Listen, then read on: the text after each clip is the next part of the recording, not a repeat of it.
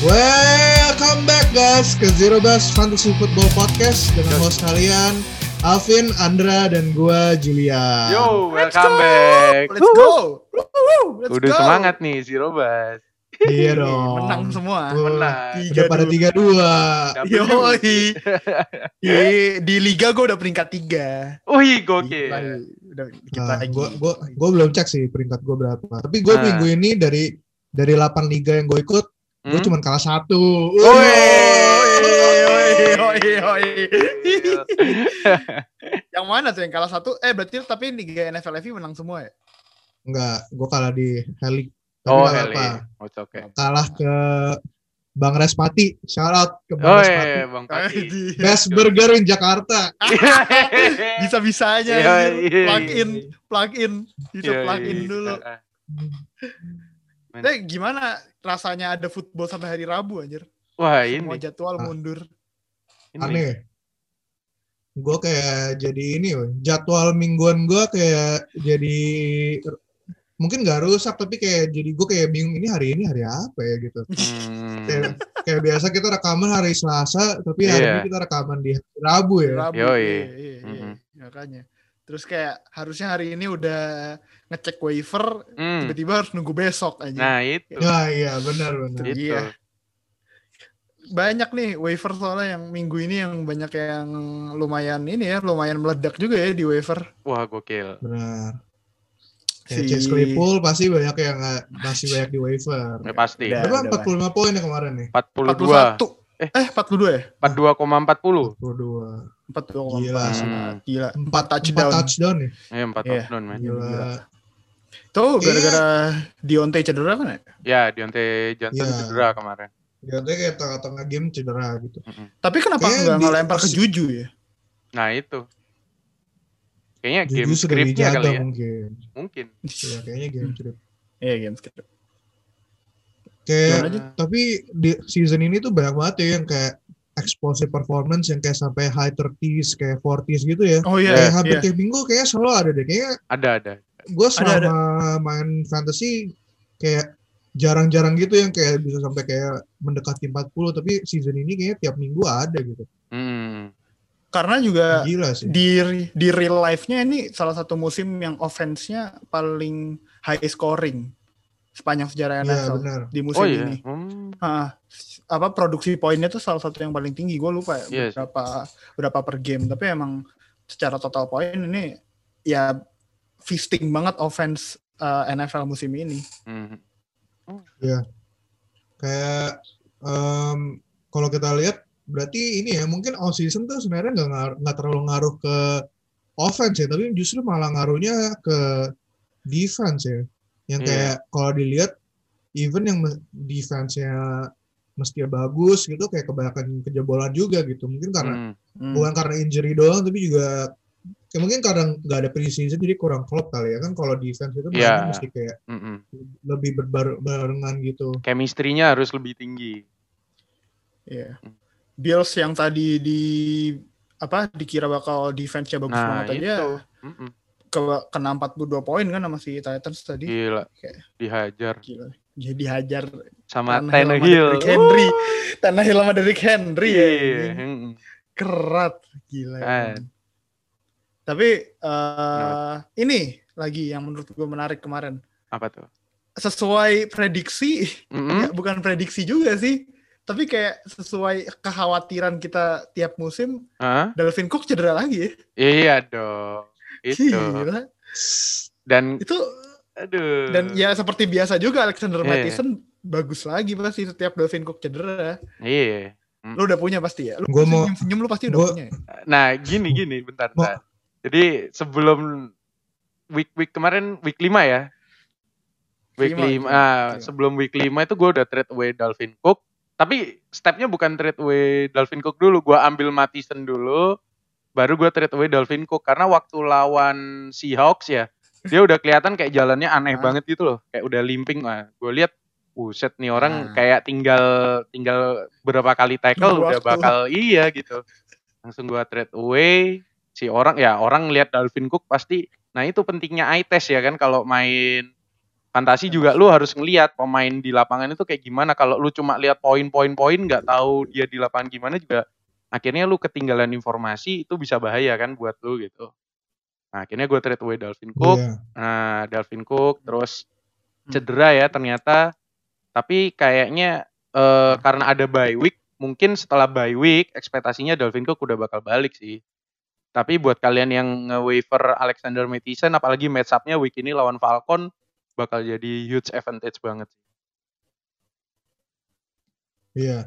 Hmm. Mungkin kalau kita mau rekomen ngambil Alexander Mattison dari waiver udah agak telat kali ya karena Iya. minggu lalu udah pak udah dicomotin di Hmm, di apa apalagi yang kalau di liga-liga NFL FI ya gitu ya. iya.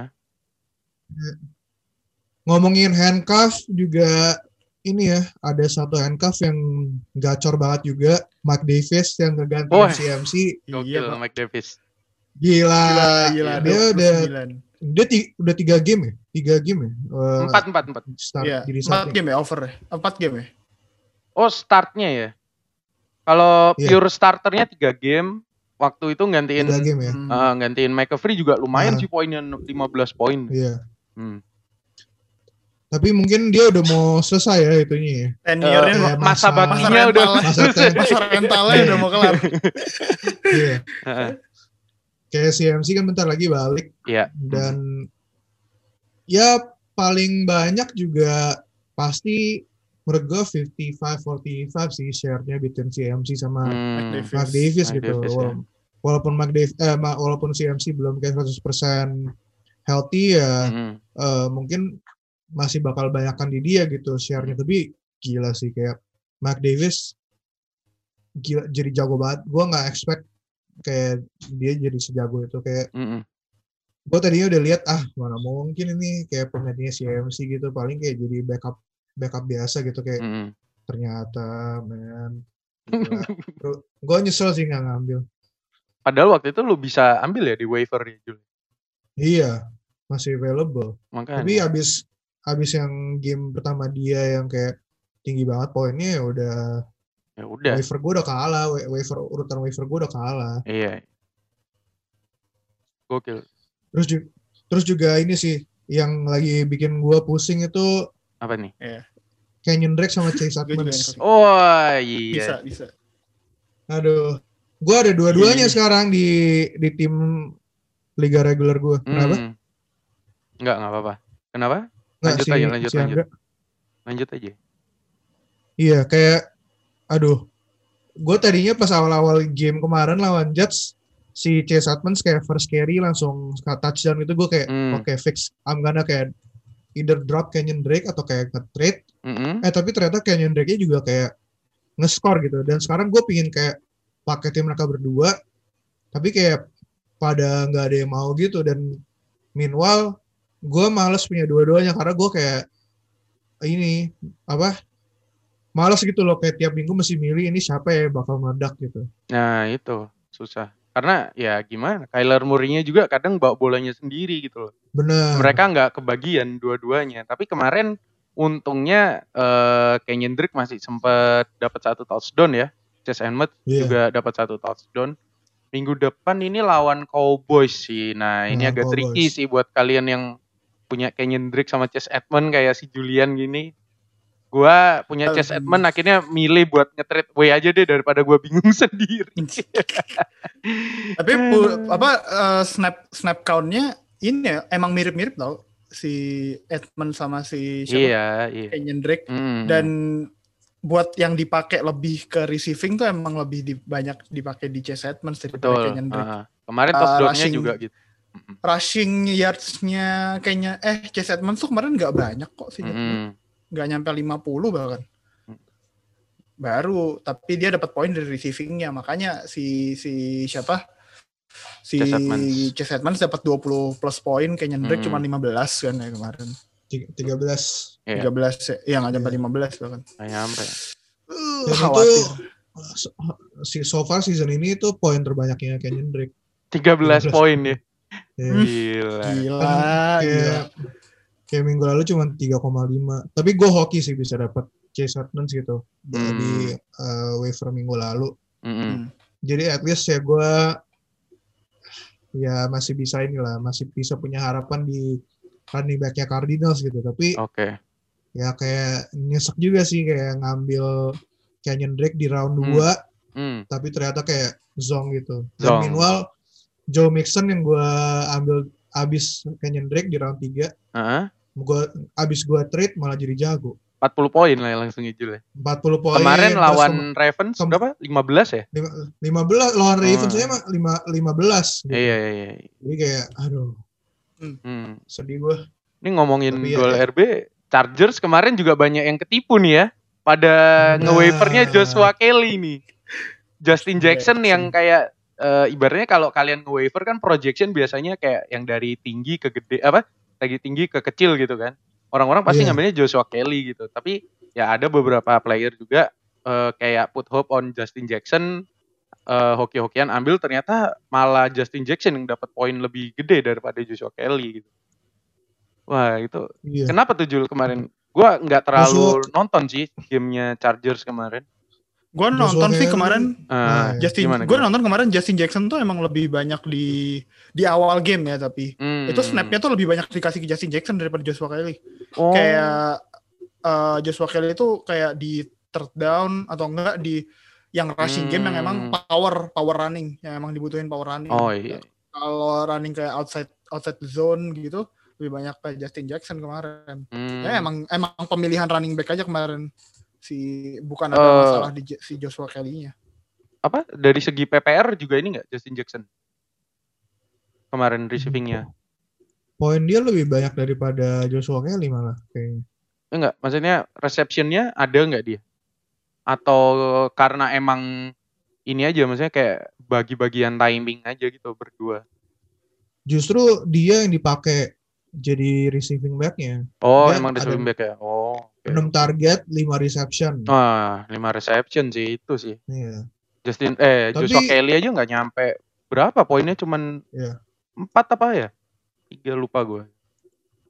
Joshua Kelly. Iya kayaknya nggak sampai nggak Hmm. nggak melewati 5 sih. Tapi ya emang ini si si Chargers tuh um, offensive line-nya di bagian kanan tuh lagi injure semua, makanya mungkin kayak Hmm. ngaruh juga gitu. Iya iya iya. iya.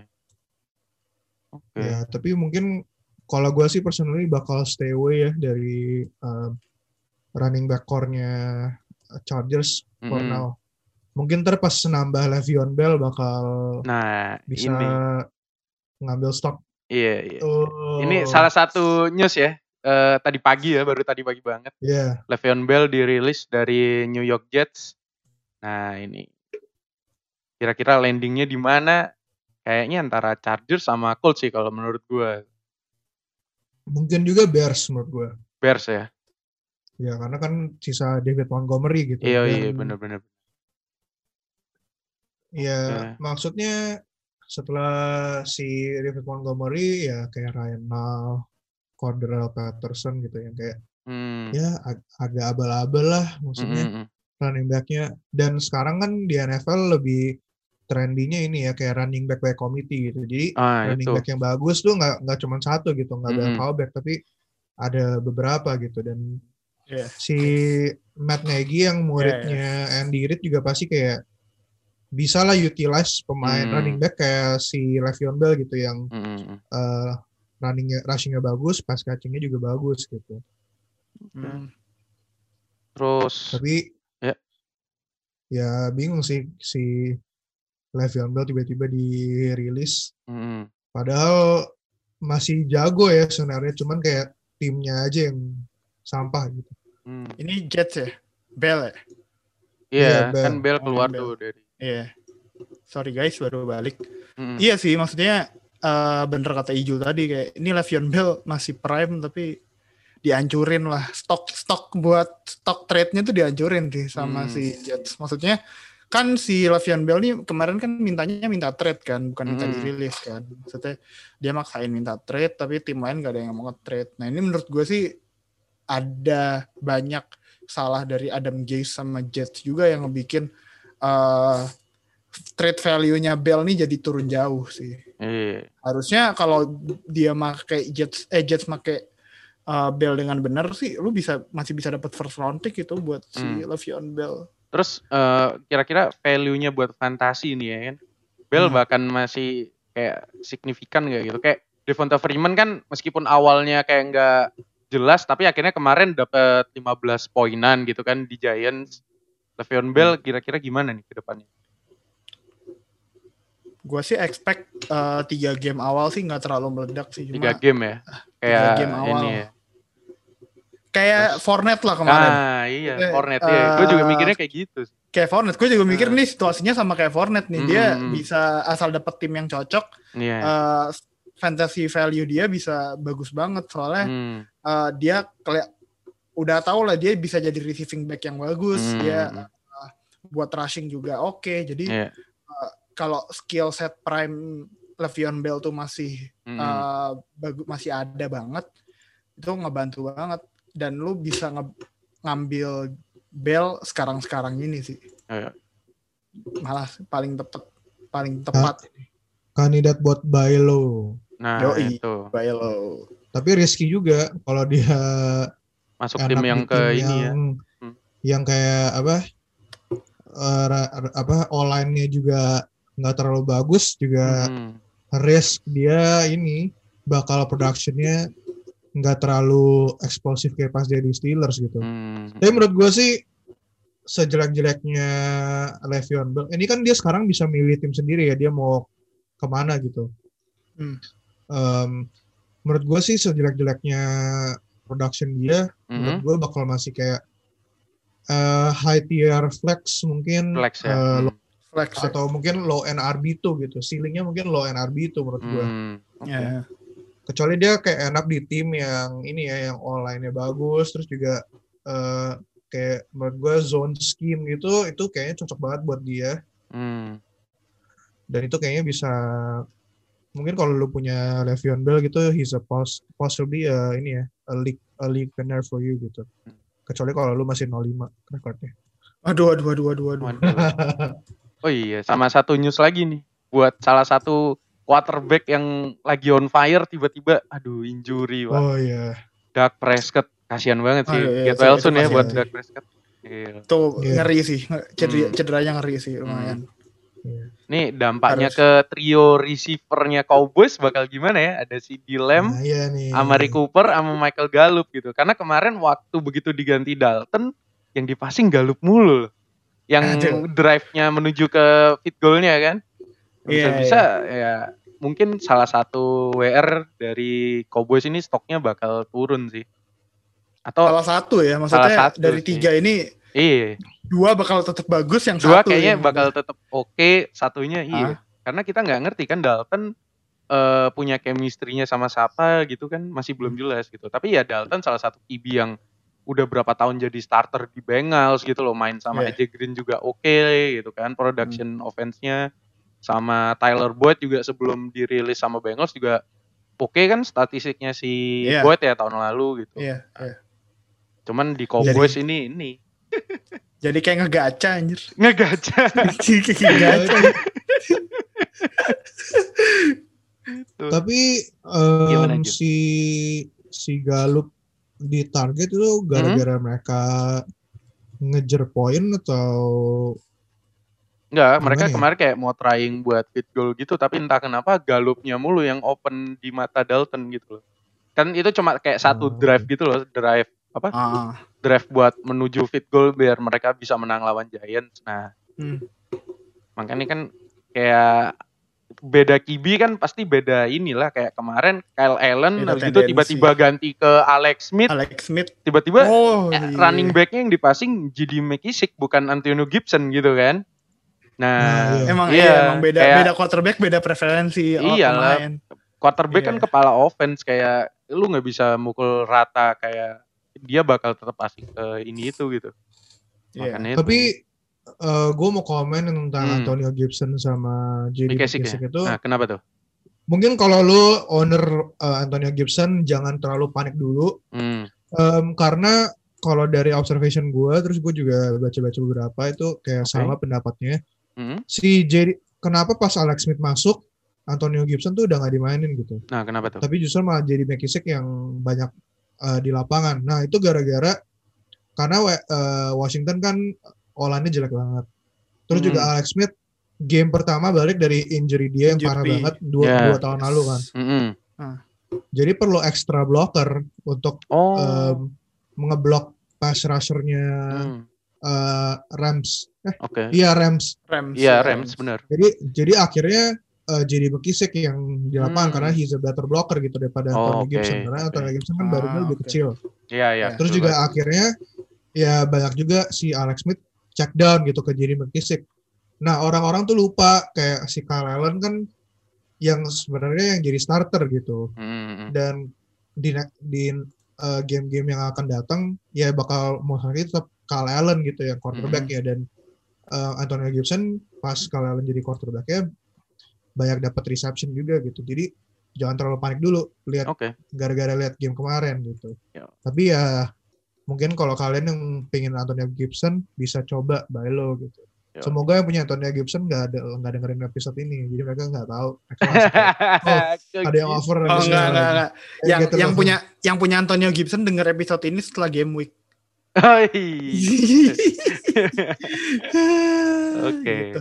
Ya, tapi ngomongin dari tadi ngomongin Antonio Gibson, si Hmm. Mungkin ya, Nah, kita sebenarnya episode ini bakal ini ya, bakal ngomongin eh, rookie-rookie yang hmm. mungkin di di fantasy sekarang udah banyak yang punya, banyak yang start, banyak yang eh, ngejar juga gitu karena ternyata rookie-rookie ini udah mulai jadi ini ya kayak fantasy Andalan. stats gitu. Iya, fantasy Bener, stats. andalan yoi. yang kayak poinnya gede banget. Jadi kita hari ini bakal kayak nge-rank em, kira-kira kalau kita ngedraft lagi gitu, Mm-mm. knowing what we know so far, siapa gitu rookie yang kita bakal eh, pick pertama, terus habis itu eh, siapa eh, rookie selanjutnya, selanjutnya, selanjutnya gitu. Kita bakal ngomongin 10 rookie. Jadi 10 rookie, maybe ya. I guess kayak our, our top 10 rookie gitu ya, Iya. yang Iya, top 10. buat, buat eh, fantasy gitu. Jadi Hmm. kita eh, langsung aja kali ya eh, Yoi. masuk Yoi. ke, ke listnya. Mm-mm. Yoi. Eh, Pin, lu yang Yoi. mulai deh. Oke. Untuk rookie yang pertama CD Lamb jelas dari Dallas Cowboys ya. Dari productionnya udah jelas dia meskipun bareng Michael Gallup habis gitu sama siapa namanya Amari Cooper Mari. ya productionnya gila banget nih ya. Gua kasih fakta dia tiap eh, main receptionnya nggak pernah di bawah 5. Wah, Jadi tiap weeknya dia minimal 5 reception. Week 1 5, habis gitu 6, 5, 5. Terus kemarin last game karena lawan ya Giants, dia dapat 8 reception. Itu gokil Oh, banget sih gila. dari productionnya ya. Terus dia Kayaknya juga kemarin 20 Hah? poin ya. Kemarin si 20 Lamb poin. kemarin ya 20,40. Lawan Cleveland malah lebih gede lagi sih 25 dia.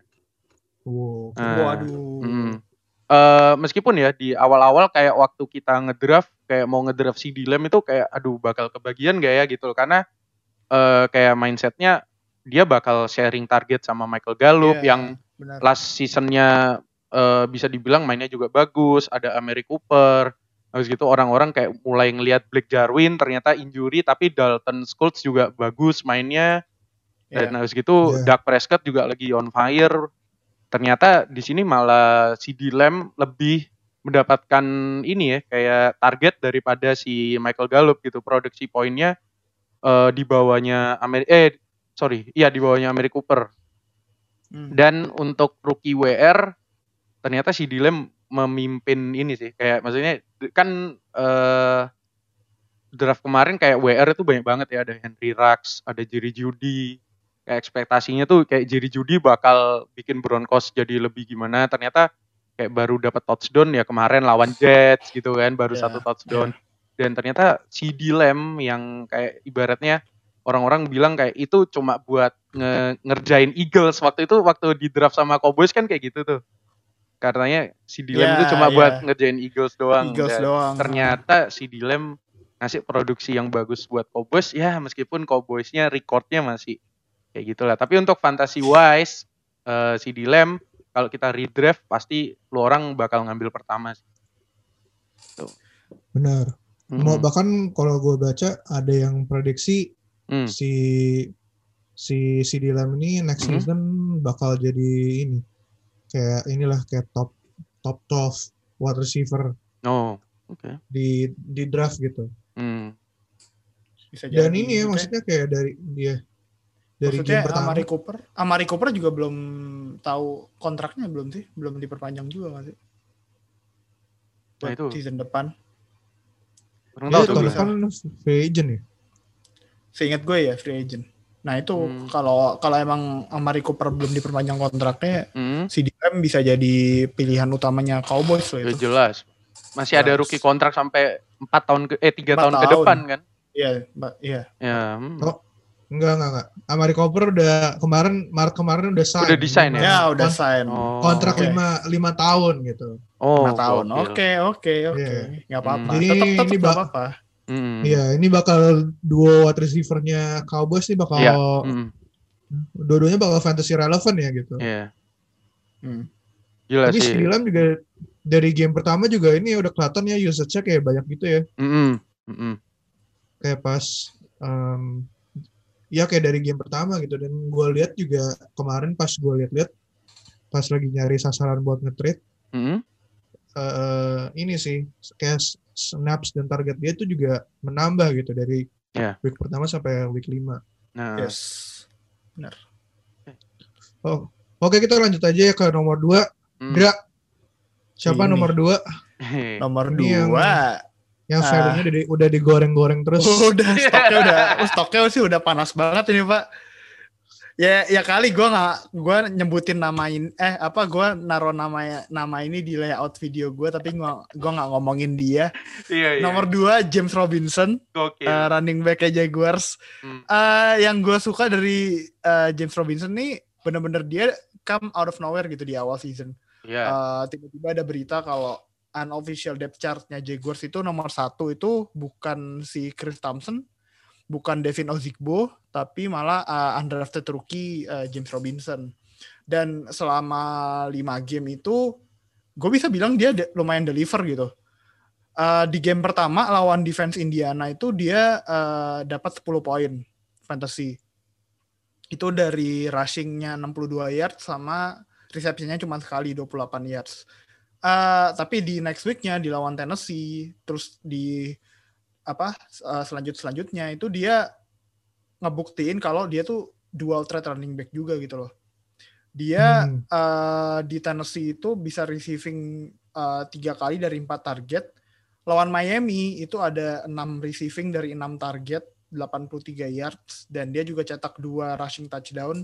Itu karir high fantasy points-nya dia juga 30,9 kemarin. Hmm. Terus di lawan Cincinnati, nah lawan Cincinnati ini dia nggak ada touchdown, itu poinnya aja udah 14,7 Oh, dengan gokil. lawan defense eh, dengan rushing yards-nya 75 75 yards gitu. Kemarin lawan Houston ini agak down agak down game-nya dia sih. Eh, dia cuman cetak 10 fantasy point, eh, cuman average 3 apa cuman rushing yards-nya cuma 48 rushing yards, tapi tetap dapat kepercayaan di receiving. Hmm. Dia dapat 7 target da- dan nge-receivingnya dia ada lima kali nangkep.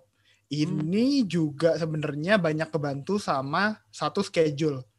Hmm. Schedule-nya dia dari week 3 sampai week 4, 3, 4, 5, 6, 7 sampai bye week-nya Jaguars itu lumayan gampang gitu loh. Hmm. Uh, Miami, Cincinnati, Houston, Detroit, uh, Chargers baru bye week. Itu uh, schedule-nya lumayan oke. Terus di week 2, seingat gue di week 2 itu DJ Chark cedera ya. Week 2 kan ya? Week 2 apa week 3 sih? Iya, week 2. Week 3 Week tuh pokoknya DJ Chark udah nggak main aja. Iya, week 2 cedera, week 3-nya full nggak main di Nggak. jejaknya. Ya, Iya. week 3 Hmm. Uh, full DJ Chark-nya nggak main.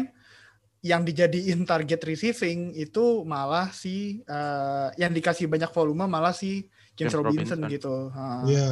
Yang next man up-nya. Kemarin di lawan Houston juga kan kelihatan kan uh, Hmm. DJ Chark juga udah mulai kemarin ada rada limping lah ya. Udah injury sih. Iya, dia dia injury ya. cedera lagi. Hmm. Cedera lagi kan. Mm-mm. Dia dapat Iya. target uh, 7 si James Robinson dapat 7 kali target dari uh, volumenya DJ Chark. Jadi anehnya adalah di Jaguars yang jadi WR2-nya uh, setelah DJ Shark itu technically ya volumenya tuh banyak di James Robinson gitu daripada di uh, WR-WR yang lain gitu Hmm. karena selain volume di receiving si James Robinson juga punya volume di rushing juga jadi weapon utamanya James Rob eh apa Jaguar. Gardner Minshew ini nanti Gardner Minshew ini nanti Oh, James. Robinson nanti Hmm. ke depannya So, Oke. ya gue suka banget sih Iya. sama uh, productionnya dia, cara dia mainnya. Hmm. Uh, dan dia juga nggak terlalu banyak drop passing ini uh, dari yang gue lihat dari statsnya so it's gotta be a good year juga sih buat James Robinson ke depannya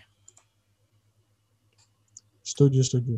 Dan Setuju. maksudnya dia dengan uh, online yang kayak Jaguars yang tahun lalu jelek banget, tapi ternyata sebenarnya udah improve ya tahun Yeah. ini. improve. Dia tuh um, productionnya bagus dan juga um, kalau di game yang lawan Dolphins kenapa dia receptionnya banyak itu karena DJ Chark nggak main, wide receiver tuh nggak banyak kebuka gitu. Akhirnya Kebuka. si Minshew kayak check down Iya. ke James Robinson. Makanya Hmm. kayak nggak ada kalau DJ Chark nggak main itu justru kayak good news buat James Robinson.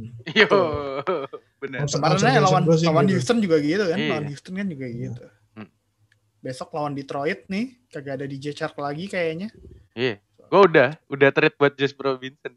Udah punya lagi. Udah, udah punya lagi. gue sih masih Gua- punya dari dari gue ambil di Waiver waiver, ya? di free agent Oh. belum belum gue lepas. Lu kenapa Gue punya dia di Liga Champion Ah, itu juga hasil dari trade itu malah pelicin. Pelicin Karena- dulu. Iya benar. Trade utamanya tuh bukan dia. Nah Ah, tapi di liga di liga reguler gue, gue uh, pengen nge-trade buat uh, James Robinson, Robinson. berapa kali, tapi ownernya minta gue nge-trade Zeke gue buat James Robinson. ya itu Gila. pak, Itu stoknya udah digoreng, stoknya udah digoreng udah. Iya. Udah. Bi- Bitcoin aja kalah value-nya. Anjir Bitcoin. Tapi keren sih, James Robinson undrafted free agent sekarang top 10 running back ya di fantasi RB itu 9. RB, Dia RB ya 9. urutan 9 gokil. Hah. Gokil. Kayaknya keren. dia rise-nya yang paling tinggi ya dari yang kayak orang-orang nggak ada ngedraft, ada di Iya. waiver wire sampai Ya. sekarang Betul, kita taruh di second overall buat uh, rookie, rookie. pemain rookie. Hmm. Oke kita move on aja langsung ya Yuk. ke ya, fun langsung. yang ke ranking tiga kita. Ini Hmm. uh, apa running back juga Hmm. yang kalau pas week satu orang-orang kayak langsung kayak wow fantasy start ini kayak jago banget. Tapi so, so far dia belum skor touchdown lagi sayangnya.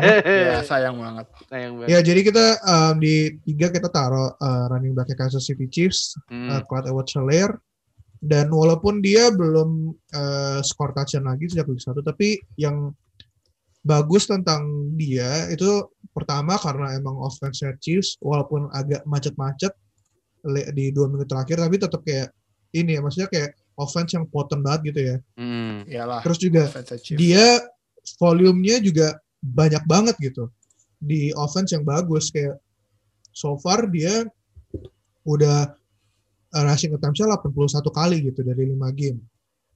Terus juga uh, reception-nya 17 kali da- dari 27 target. Jadi kayak kalau ngomongin volume udah nggak dipungkiri gitu kalau dia tuh uh, nggak perlu worry lah kalau si H nggak pun nggak dapet volume gitu. Ya. Hmm. Um, terus juga um, volumenya di offense yang jago. Jadi ini sih maksudnya menurut gue touchdown-nya bakal datang. Jadi uh, Mhm. sabar aja karena even without the touchdown tuh um, dia poinnya masih Producing lumayan- banget. lumayan oke gitu dan uh, mungkin kalau kayak kemarin lawan Raiders. uh, lawan Raiders itu walaupun nggak terlalu banyak dipakai menurut gue itu floornya dia gitu dan floornya dia aja masih di double digit gitu. itu game script juga lagian lawan Raiders. Ya, benar. Ah.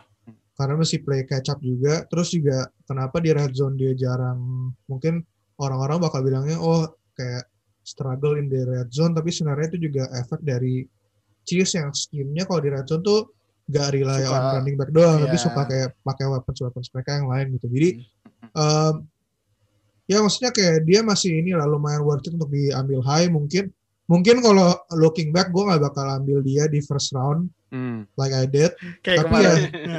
Ya, tapi ya he's, he's still like a good pick lah. I would say kayak mungkin di late round 2 atau kayak round 3 mid, Early mid- lah. eh, apa early mid Early round 3 yang Iya. masih masih oke lah kayak itu good value banget diambil di situ Hmm. menurut gua sih.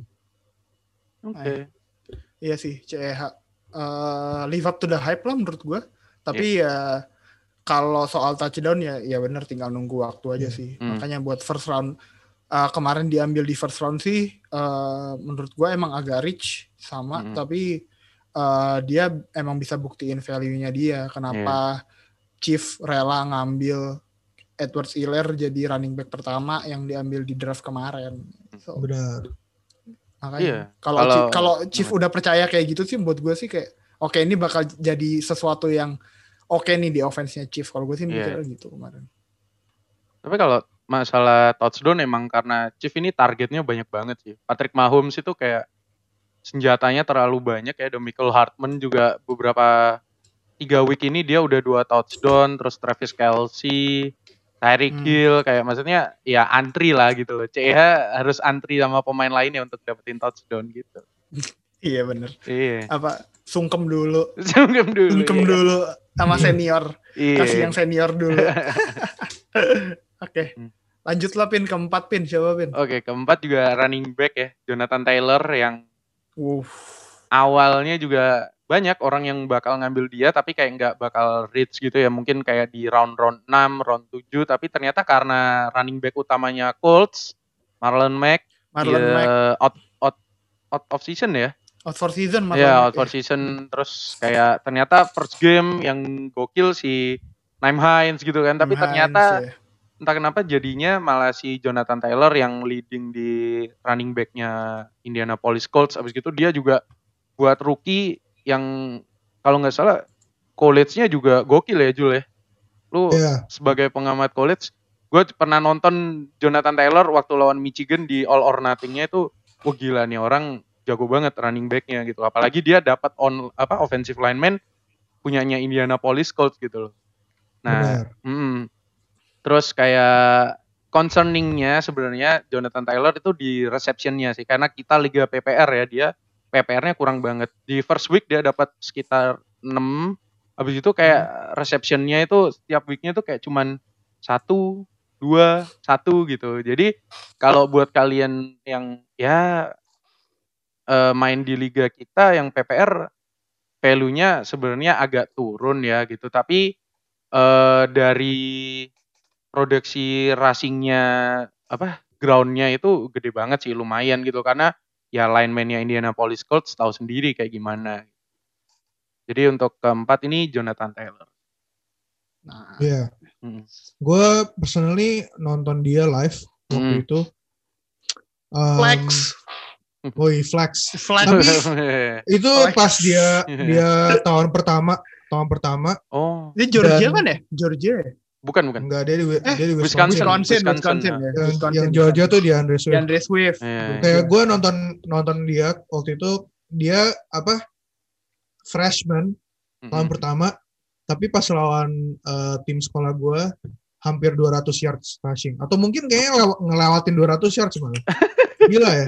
Gila gila. Tapi emang dia di college tuh scheme-nya emang kebanyakan rushing kayak hampir Hmm. nggak pernah Ya, reception gitu. Terus juga Hmm. em, ada yang bilang dia so far di NFL tuh kayak visionnya kurang bagus kayak oh. suka miss wide open gaps gitu karena dia Hmm. masih Oh lebih iya, suka iya. em, Power through. coba kayak power through tackles gitu padahal Hmm. ada gap-gap lain yang lebih besar yang dia bisa kayak get big Hmm. plays gitu dan menurut gue tuh juga efek pas dia main di college karena ya emang dia jago banget di dia ya lari lewatin orang juga susah di tackle gitu akhirnya jadi Hmm. menurut gue jadi kebiasaan Mm-mm. tapi in the last two games sih ya visionnya udah mulai improve lah gitu dia udah lebih efisien larinya em, dan yardage-nya jadi bisa lebih bagus gitu tapi ya ini sih receptionnya yang masih Masih main. concerning gitu tapi ya dia ada Concerning. ada touchdown upside ya Iya. ya iya. we'll see em, kayak gimana tapi kalau misalnya Le'Veon Bell em, jadi Beneran datang ke Colts? Colts mungkin value-nya Hati-hati, si hati-hati, Jonathan ya. Taylor bakal turun sih Tuh, tapi ya so ya. far he's our fourth Ya. rank rookie ya gitu Iya. Buat rookie dia Oke lanjut kita ada uh, ke nomor 5 sekarang. Udah lu mau jelasin um, di nomor 5 ada siapa dan kenapa? So to wrap up uh, top 5 rookie fantasy 2020, we got LSU ex LSU wide receiver Oh, Justin Jefferson dari Gokil. Vikings. Uh, Justin Jefferson ini emang di week 3 sama week 4 kemarin sih yang benar-benar come out gamenya yang Yeah. ngeliatin kalau ceilingnya dia tuh bisa segitu. uh, di week 3 lawan Tennessee itu dia 175 yards, satu touchdown uh, dari 9 target 7 reception. Itu dia cetak 30,5 poin dan di Houston ngelawan Houston week depannya itu 103 yards uh, dari 5 target 4 uh, reception dia cetak 14,3 poin. Nah, dari dua game ini aja tuh sebenarnya tuh apa ya kayak sebenarnya sampel size-nya emang kecil. Itu kenapa sebenarnya kita nempatin Justin Jefferson ini di bawah CD Lamb kemarin. Hmm. Uh, karena menurut kita CD Lamb selama lima week terakhir ini lebih konsisten daripada si Justin Jefferson apalagi Justin Jefferson baru terlihat uh, bakal jadi WR2-nya Vikings itu ya mulai week 3 week 4 kemarin. Tapi uh, kelihatan kalau misal ceilingnya dia ini buktiin kalau dia itu bisa gantiin Stephon Diggs nanti hmm. di Vikings. Jadi hmm. uh, Stephon Diggs ini kan memang uh, lebih ke yang deep deep deep threat gitu rute-rutenya yang lebih cepat. Terus Adam Thielen yang bakal operate di bawahnya si Stephon Diggs. Si Justin Jefferson ini bisa ngisi role-nya Stephon Diggs ini sama baiknya atau mendekati lah sama kayak Stephon Diggs di Vikings dulu. Jadi uh, jangan khawatir buat kemarin ini emang dia cuma receive 23 yards kemarin lawan Seahawks, tapi harusnya uh, ke depannya si Justin Jefferson bakal bisa lebih bagus lagi. Dia bakal bisa ngisi uh, role WR2 di bawah Adam Thielen dengan uh, oke okay banget. Dan apalagi kalau nanti misal dia lebih banyak dapat red zone touches-nya. Hmm. Itu sih karena so far ya 5 week touchdownnya baru satu sih itu yang lumayan concerning juga buat WR ya tapi kalau kalau ngomongin usage ini ya nggak perlu worry ya. Karena abis week 2 kan dia dipindahin dari slot ke outside terus itu justru yang bikin dia meledak gitu. Hmm. dan dia ke outside itu. Iya, tapi ya ini sih maksudnya ceiling dia masih kena cap si Adam Thielen ya Adam karena Thielen. Adam Thielen gila-gilaan banget ya kayak kemarin lawan pas lawan Seahawks itu kayak dia meledak lagi gitu. Hmm. Maka pas pas yang Houston ini Vikings tuh ada tiga pemain yang di atas 100 yard. Salah satunya ya oh. ya Justin Jefferson ini, Dalvin Cook, Adam Thielen sama Justin Jefferson. So udah kelihatan lah maksudnya role dia di Vikings ini sebagai WR2 ini udah uh, kelihatan banget dan kalau dia bisa manfaatin role-nya dia dengan baik uh, dapat passing-passing dari deep threat-nya Kirk Cousins, deep pass-nya Kirk Cousins. It's gonna be a great year lah buat Jesse Jefferson. Iya. Yeah. Mungkin uh, floor dia kayak kemarin ya pas lawan Seahawks ya. Ya. Hmm. Tapi ya ceilingnya emang tinggi banget ya. Ya. Oke, okay, okay. next kita ada di nomor 6 ada Antonio Gibson hmm. yang tadi udah sedikit dimention ya. Nah, yeah. si Antonio Gibson ini mungkin um, dari dari rookies yang udah kita mention so far di di top 5 itu situasi dia paling jelek karena ya tim dia kita tahu sendiri uh, Washington Football Team yeah. offense-nya kayak udah offensive line jelek, mm -hmm. wide receiver-nya kayak yang bagus sama Terry McLaurin, terus juga quarterback-nya situasinya nggak jelas gitu kayak kemarin dua Haskins, Dwayne Haskins di bench, terus Carl Allen yang start, dia kena concussion, terus Alex Smith yang gantiin. Um, menurut gua Antonio Gibson ini sebenarnya as a player he's very explosive jadi ceiling dia tinggi hmm. dan um, dia unfortunately di last two games ini ketemunya ini ya tim defense yang pass rushing itu lumayan lumayan bagus itu di uh, per, di week 4 ketemu Baltimore terus week kemarin ketemu uh, Rams gitu yang uh, ada Aaron Donald gitu hmm.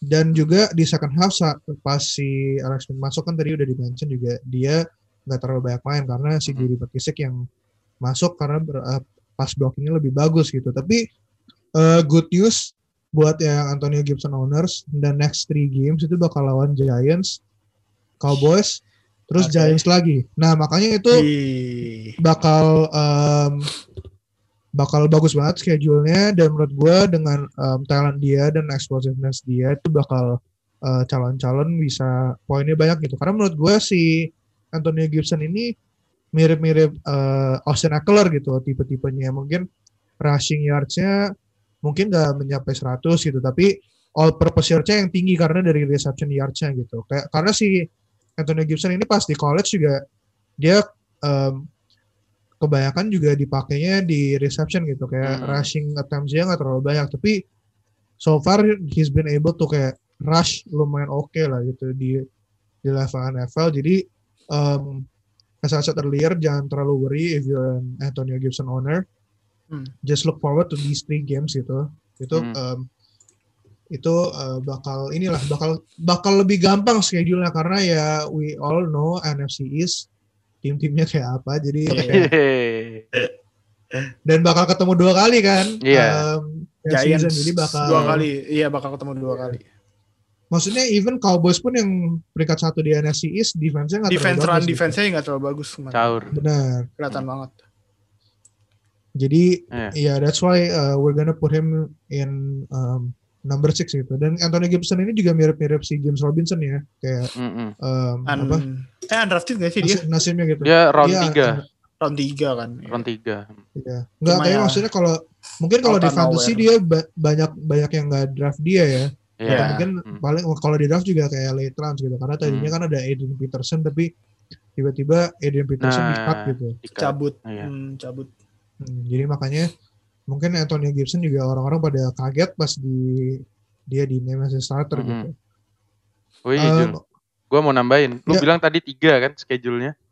Ternyata sampai Iya. tiga week ke depannya lagi masih lumayan, Jul. Lawannya Detroit Ah, Lions, Cincinnati Bengals, terus Cowboys. Jadi kayak nah, enam tuh. harusnya enam week ke Gila, depan gila, Gibson gila. ini masih bisa double digit double digit lah gitu. Yang Iya. bisa berarti Iya. harusnya yang bisa ngalahin Gibson cuman kalau misal Wa- Washington milih jadi McKissick daripada Antonio Gibson ya. Iya. hmm, Iya. Selama 6 week ke depan ini. Iya. Soalnya Sampai sampai week banget. 12 lah. Hmm. Soalnya setelah itu ketemunya Pittsburgh, San Francisco, wah agak berat sih. Ah udah udah jual Hmm. jual jual kalau gitu. jual. Oke. Oke, next um, ke nomor 7 ya. Hmm. Nah, Pin ini kayaknya lu Nah, yang cocok ini. ngejelasin nih. Ini kemarin yang barusan meledak sampai 40 poin ya, Chase Claypool. Waduh. Gila. Chase Claypool Chase gokil Claypool. sih. Ini ini padahal banyak mock draft sebelum uh, Hmm. 2020 draft itu ngebok dia diambil sama Packers. Oh. Tapi sayang sayangnya Packers. Sayangnya. Packers nggak tahu WR. Ya, Si paham ada WR di Si draft. paham WR.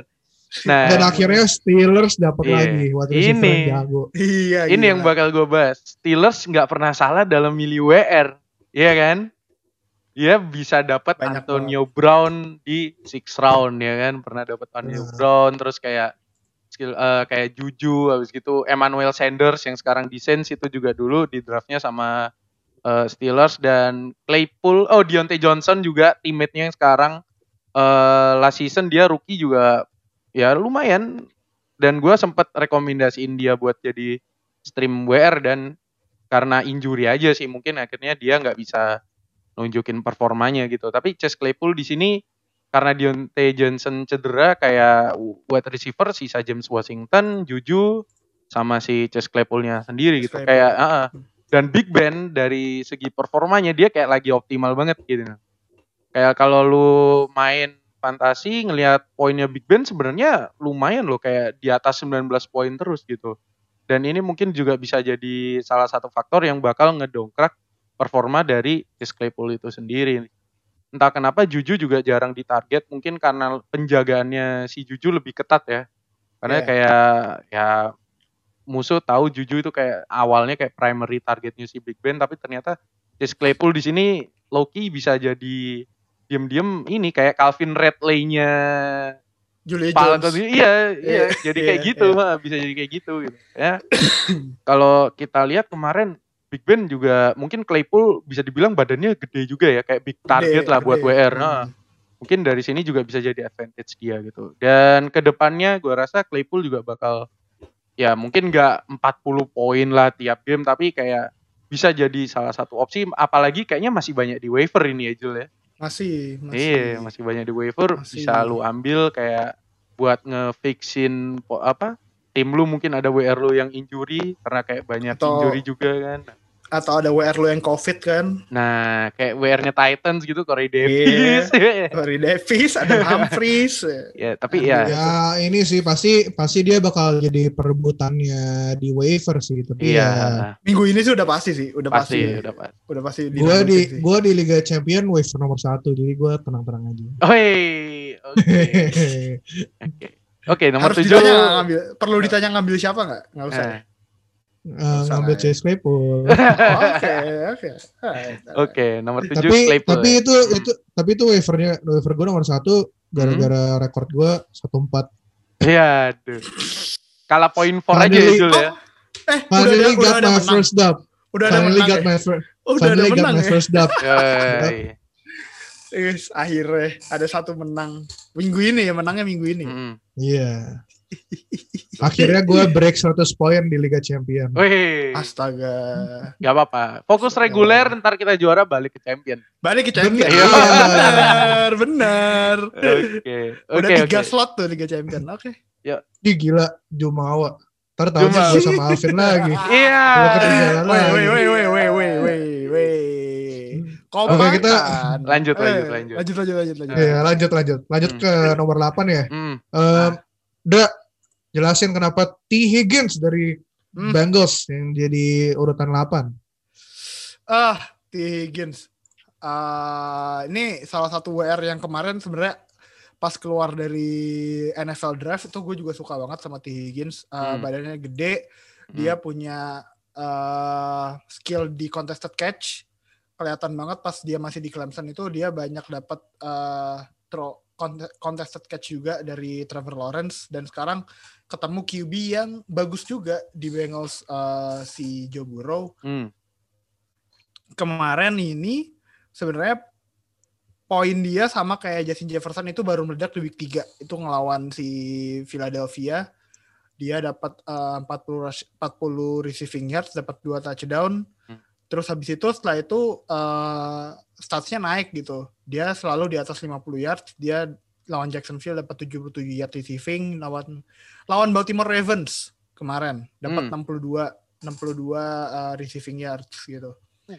eh kayaknya sih out of AJ Green, Tyler Boyd atau T Higgins Hmm. ini kondisinya bisa aja sama kayak eh, apa yang terjadi di Cowboys gitu. Nah, Eh, sama kayak apa yang terjadi sama CD Lamb gitu. Hmm. Tapi bedanya cuman eh Bengals nggak punya OL sebagus di Cowboys jadi poinnya receivernya Bengals ini nggak bakal setinggi eh, pemain-pemain Cowboys di ya. Cowboys gitu. Iya, iya. Soalnya kan Joe Burrow harus eh, lebih banyak mungkin lebih banyak check down bakal lebih banyak lari sendiri gitu. hmm. Tapi T Higgins ini punya uh, ceiling, punya role yang lumayan udah lumayan established gitu di Bengals sebagai WR 2-nya. Bahkan kemarin pas lawan uh, Ravens itu target dia tuh target yang paling banyak di siapa? Di Bengals. Oh. Dia dapat 8 target, yes, dapat 8 target. Kem dan ya walaupun cuma dapat 4 receiving yards tapi ya gua sih lumayan ya ya lawannya Baltimore Ravens gitu. Hmm. Harusnya setelah ini eh, lebih bagus lagi gitu si T Higgins karena kayaknya dia juga udah dapat kepercayaan dari Joe Burrow. Apalagi kalau dia T Higgins nih badannya kan gede kan, lumayan tinggi. Harusnya dia bisa jadi kayak safety blanketnya Joe Burrow lah gitu. Walaupun dia rookie. Itu sih Oke. T Higgins. Gue sebenarnya agak ini sih agak pesimis dengan T Higgins pas di draft sama Bengals. Menurut gue kayak ya maybe dia bakal jadi oke aja lah gitu. Kayak nggak bakal Hmm. live up to the expectation. Tapi ternyata so far dia udah bagus. Jadi andalan Joe Burrow. Hmm. Apalagi karena AJ Green udah wash. Ya. Wash, ya, Eh, wash, wash ya, banget. terus juga dia kayaknya match up proof ya walaupun kayak Ravens eh Bengals kemarin kayak eh, lawan Ravens kayak di dibejek-bejek dihancur-hancurin banget. Dia dia masih ngasih lumayan gitu poinnya. Hmm. Dan gue udah dan di beberapa liga gue juga gue udah punya T Higgins sebagai handcuffnya Tyler Tyler Boyd gue. Tyler gitu. Boyd. Tyler Boyd. Tapi, ter- Iya, tapi ternyata T Higgins is is more than just a handcuff. Woi. Wah. bagus sih, dia udah bagus banget. T Iya. Higgins. Oke. Oke, next kita di nomor 9 ada quarterback nih. The Nah. only quarterback in our top 10. Top 10. Dan nama dia depannya J. Hei. Tapi bukan Joe. Joe Burrow. Ada. Bukan. Bukan. Joe Burrow. Ini ini Jordan Justin Herbert. Oh, Justin Herbert. Oh, Jordan Love itu masih lama lah. Kita ngomonginnya masih lama. Mungkin mungkin eh, di tahun 2023 hopefully 23. lah. Oke, 23. Iya. Eh, Benar. Justin Herbert Eh, ya. Justin Gimana Herbert nih yang kayak um, surprise start yang mungkin dia baru dikasih tahu um, dia bakal start pas lawan Chiefs mungkin 10 menit sebelum kick off ya. Tapi ternyata dia walaupun last minute jadi starter gacor juga ya jadi quarterback gitu kayak menurut gue malah dia so far udah lebih bagus dari Joe Burrow gitu dan Joe Burrow juga seba- sebagai rookie quarterback not bad tapi ternyata bad. si si uh, siapa sih Justin, Herbert. lebih lebih bagus gitu kayak kemarin aja lawan New Orleans yang I would say dia Chargers kalah lawan New Orleans ya bukan salahnya Herbert gitu ya masalah defense-nya karena Herbert Ya, gimana mau disalahin dia udah udah lempar 4 touchdown empat gitu. touchdown Hmm. kemarin.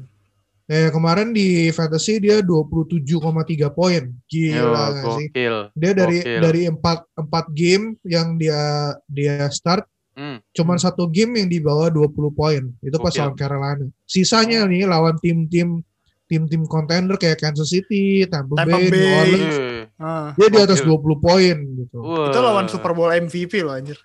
Nah, Iya. Itu makanya. lawan Super Bowl MVP. Iya, lawannya ini kibi-kibi juara Super Bowl semua loh. juara Super Bowl, Iya, Pak. Iya, kecuali kecuali Benar. yang week 1. Kecuali Iya. week 1. Gokil. Kan week satu dia nggak main. Eh week 1, week 2, sorry. Kecuali week 2 itu ya, pas Iya. Terter. Week- Week 2, benar. Week Lawan 2 waktu lawan Panthers lawan intinya. Chiefs. Iya lawan Chief, benar. Week 2 kan main kan. Iya, week 3 yang bukan bukan Week 3 Super ya Bowl. berarti. Iya, si iya. Teddy. Ya, tapi tapi kalau kita lihat ya si Justin Herbert ini dia kayak poise banget gitu, kayak Hmm. calm even under pressure dia masih eh, bisa apa ngepasnya secara accurate gitu dan kayak Iya. bail himself out Hmm. from pressure gitu dan juga Hmm. dia emang badannya lebih gede ya daripada Joe Burrow jadi dia juga bisa ya, take more hits gitu. Dan juga dia juga sebagai runner eh, lumayan oke walaupun dia rushingnya nggak terlalu banyak ya. Tapi maksudnya ya dia bisa extend play with his, with his feet gitu. Karena emang pas dia di college juga fisik uh, physicality Selalu. dia atletis, athleticism dia tuh emang yang di highlight gitu. Dan ya.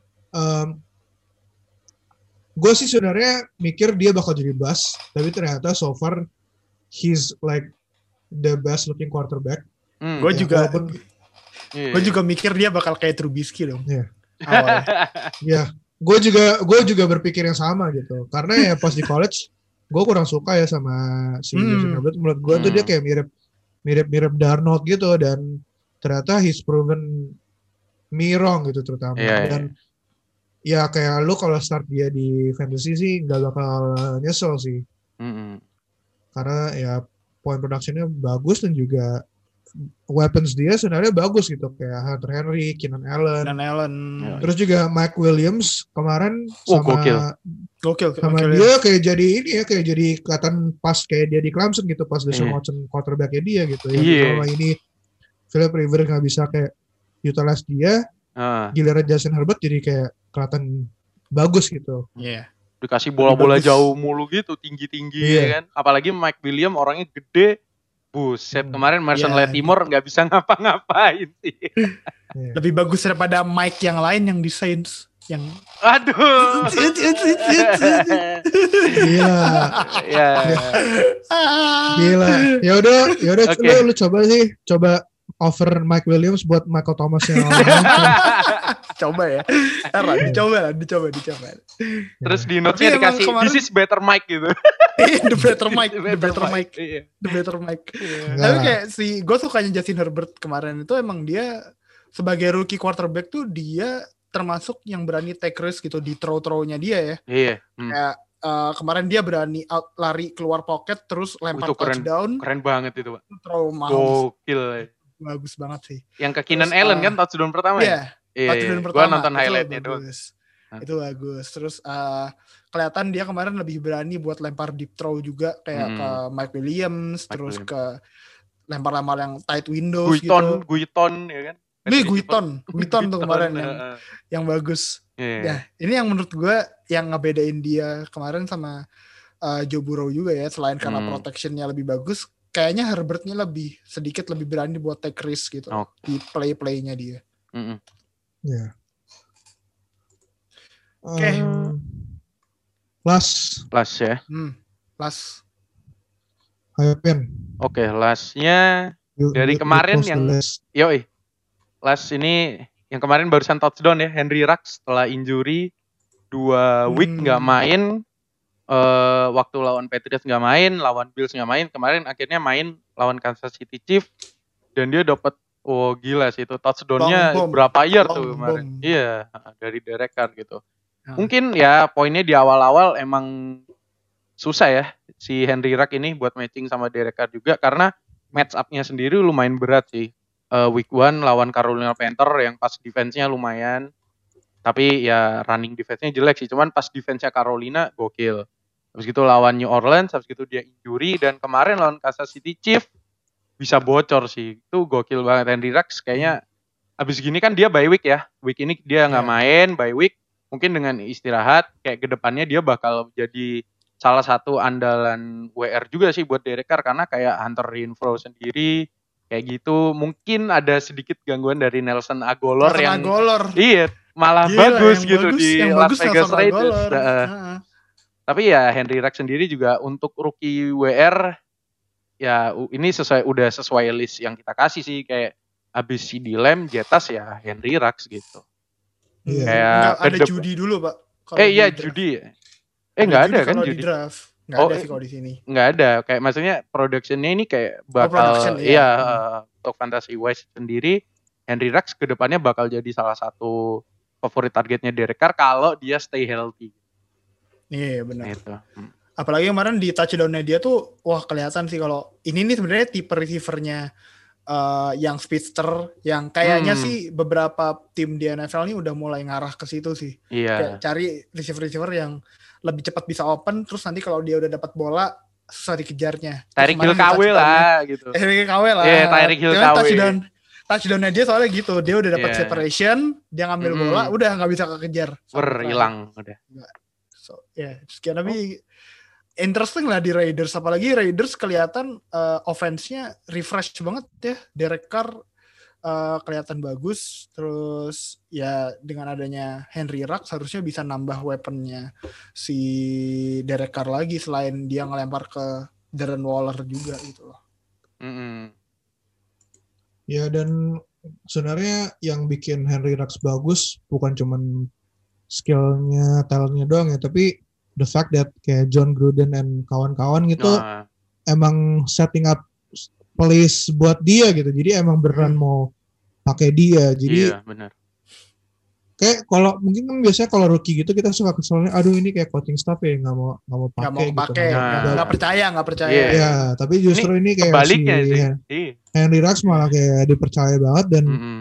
so far dia ini ya maksudnya kayak in games yang dia healthy gitu he's been looking good gitu dan Mm-mm. ya kayak ini sih mungkin surprising ya kan orang-orang waktu itu kayak kaget kan si si Raiders malah ngambilnya Henry Rux itu Mm-mm. tapi so far ya he's proven people why the Raiders took him gitu Oke. Ya jadi itu aja ya top 10 kita untuk uh, rookie dan kayak sya- siapa aja rookie-rookie yang kita bakal ambil kalau misalnya kita bakal bisa ngedraft lagi sekarang gitu ya Mm-mm. Hmm. dan ya maksudnya banyak mungkin orang-orang banyak penyesalan gitu ya misalnya ngambilnya Jalen Rager gitu ya so far kayak productionnya nggak ada gitu Nggak ada. Ya. Sebenarnya Atau- honorary honor, honorable mention sih Jerry Judy sih. Ah iya. Itu dia week 1 sampai week 5 bener-bener double digit mulu tapi kayak di 10, 14, 12 gitu. Itu lumayan lah, oke. Mm-mm. Ya, Tapi emang nggak juga, nggak bisa meledak, nggak bisa meledak WR yang kita sebutin tadi. ya kayak mungkin juga ini ya camp, camp makers gitu yang kayak orang-orang udah bakal bilang bakal kayak nge-replace Todd Gurley gitu Todd ternyata Gurley. kayak Mm. Rams R- RB by committee-nya tuh kayak beneran komite gitu kayak Iya. demokratis banget ngebagi ngebagi carry carrying share-nya gitu. Lu Iya. ngomong gitu di Andre Swift gimana? Di Lions. Ya itu lagi. itu itu mah pas di draft sama Lions sih Eh. gue udah langsung kayak Ah, Ya, ini kasihan masuk- karirnya. ini masuk hellhole. Ini kasihan. Yang ini kasihan karirnya. Iya. Aduh. tapi tapi tapi menurut gua kalau Hmm. kalau Adrian Peterson dirilis Hmm. wah itu di Andre sih bakal stongs kayak Wah. stongs banget. Berarti udah Mungkin nggak pas kayak- rookie sih. Topomornya ntar. Bisa jadi. iya. Bisa jadi. Udah nggak pas lu. Ya, mungkin mungkin tahun depan, mungkin Iya, tahun, tahun depan, depan. si DeAndre pas coaching staffnya udah ganti. Ya. Ya, udah dipecat. Matt Patricia. Matt Patricia udah dipecat. Ya. Eh, Ganti Oke. Mike LeFleur. Ganti Mike LeFleur. Nah, woi gila. Aduh. aduh. Oke. Itu ya itu buat mungkin bukan buat bukan podcast kita tapi podcast yang lain. Ya, iya benar benar. podcast Indonesia Itu juga. bahasan zero knowledge, bukan kita. Benar. Iya, Ah, iya. bener. Kita pedulinya angka.